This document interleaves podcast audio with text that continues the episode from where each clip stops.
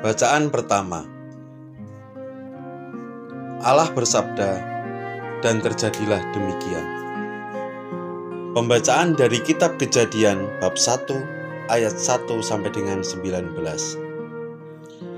Pada awal mula Allah menciptakan langit dan bumi. Bumi belum berbentuk dan kosong. Gelap gulita menutupi samudera raya, dan roh Allah melayang-layang di atas permukaan air. Allah bersabda, "Jadilah terang." Maka jadilah terang. Allah melihat bahwa terang itu baik, lalu dipisahkannya dari gelap. Allah menamai terang itu siang dan gelap itu malam. Maka jadilah petang dan pagi hari pertama. Allah bersabda, "Jadilah cakrawala di tengah segala air untuk memisahkan air dari air." Maka Allah menjadikan cakrawala dan ia memisahkan air di bawah cakrawala dan air di atasnya. Dan jadilah demikian. Allah menamai cakrawala itu langit. Maka jadilah petang dan pagi, hari kedua.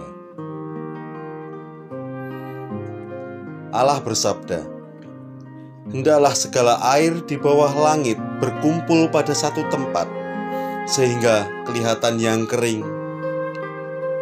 Dan jadilah demikian. Allah menamai yang kering itu darat, dan kumpulan air itu laut. Allah melihat bahwa semuanya itu baik. Allah bersabda, "Hendaklah tanah menumbuhkan tunas-tunas muda, tumbuhan-tumbuhan yang berbiji, segala jenis pohon buah-buahan yang menghasilkan buah berbiji, supaya ada tumbuh-tumbuhan di bumi." Dan jadilah demikian. Tanah itu menumbuhkan tunas-tunas muda, segala jenis tumbuhan yang berbiji, dan segala jenis pohon-pohonan yang menghasilkan buah berbiji. Allah melihat semuanya itu baik, maka jadilah petang dan pagi, hari ketiga.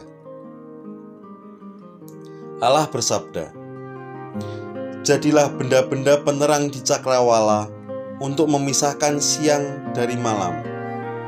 Biarlah benda-benda penerang itu menjadi tanda yang menunjukkan masa-masa yang tetap, menunjukkan hari dan tahun, dan sebagai penerang pada cakrawala.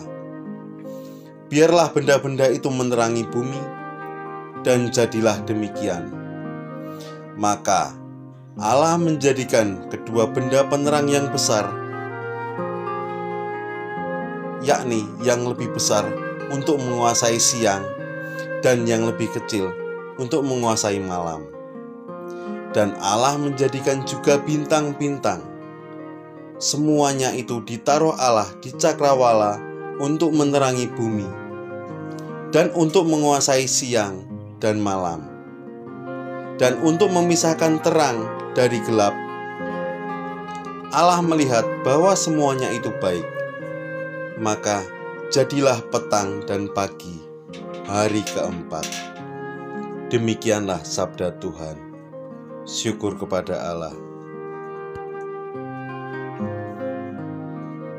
Injil diambil dari Markus 6 ayat 53 sampai 56. Semua orang yang menjamah Yesus menjadi sembuh. Inilah Injil Yesus Kristus menurut Markus. Pada suatu hari, Yesus dan murid-muridnya mendarat di Genesaret dan berlabuh di situ. Ketika mereka keluar dari perahu, orang-orang segera mengenal Yesus. Maka berlari-larilah mereka ke seluruh daerah itu dan mulai mengusung orang-orang yang sakit di atas tilamnya kepada Yesus di mana saja kabarnya ia berada, ke mana pun Yesus pergi ke desa-desa, ke kota-kota, atau ke kampung-kampung.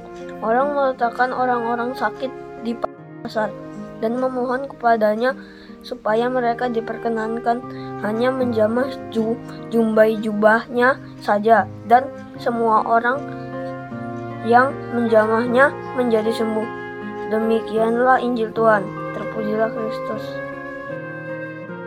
Adalah sesuatu yang indah dan harmoni.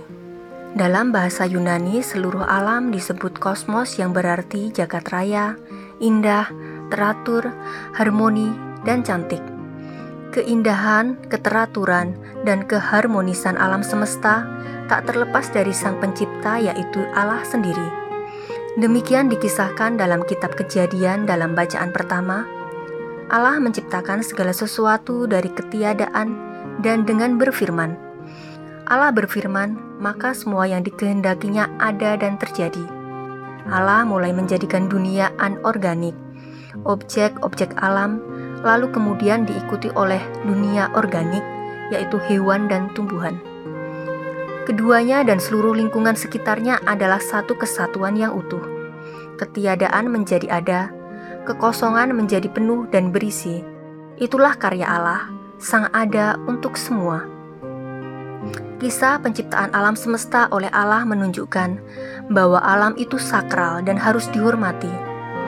Walaupun boleh digunakan untuk kepentingan manusia, pengerusakan atau kekerasan terhadap alam menimbulkan berbagai macam penderitaan. Namun Allah Maha Rahim dan penuh belas kasih. Ia ingin membebaskan manusia yang menderita, mungkin juga secara langsung atau tak langsung, akibat kekerasan dosa. Itulah yang ditunjukkan Yesus dalam bacaan Injil. Yesus menyembuhkan banyak orang sakit. Ia membawa pembebasan bagi mereka. Manusia dibebaskan dari kekerasan hidup akibat dosanya sendiri. Ya Tuhan, bebaskanlah kami dari rasa cemburu dan iri hati yang membawa kami kepada kekerasan terhadap sesama.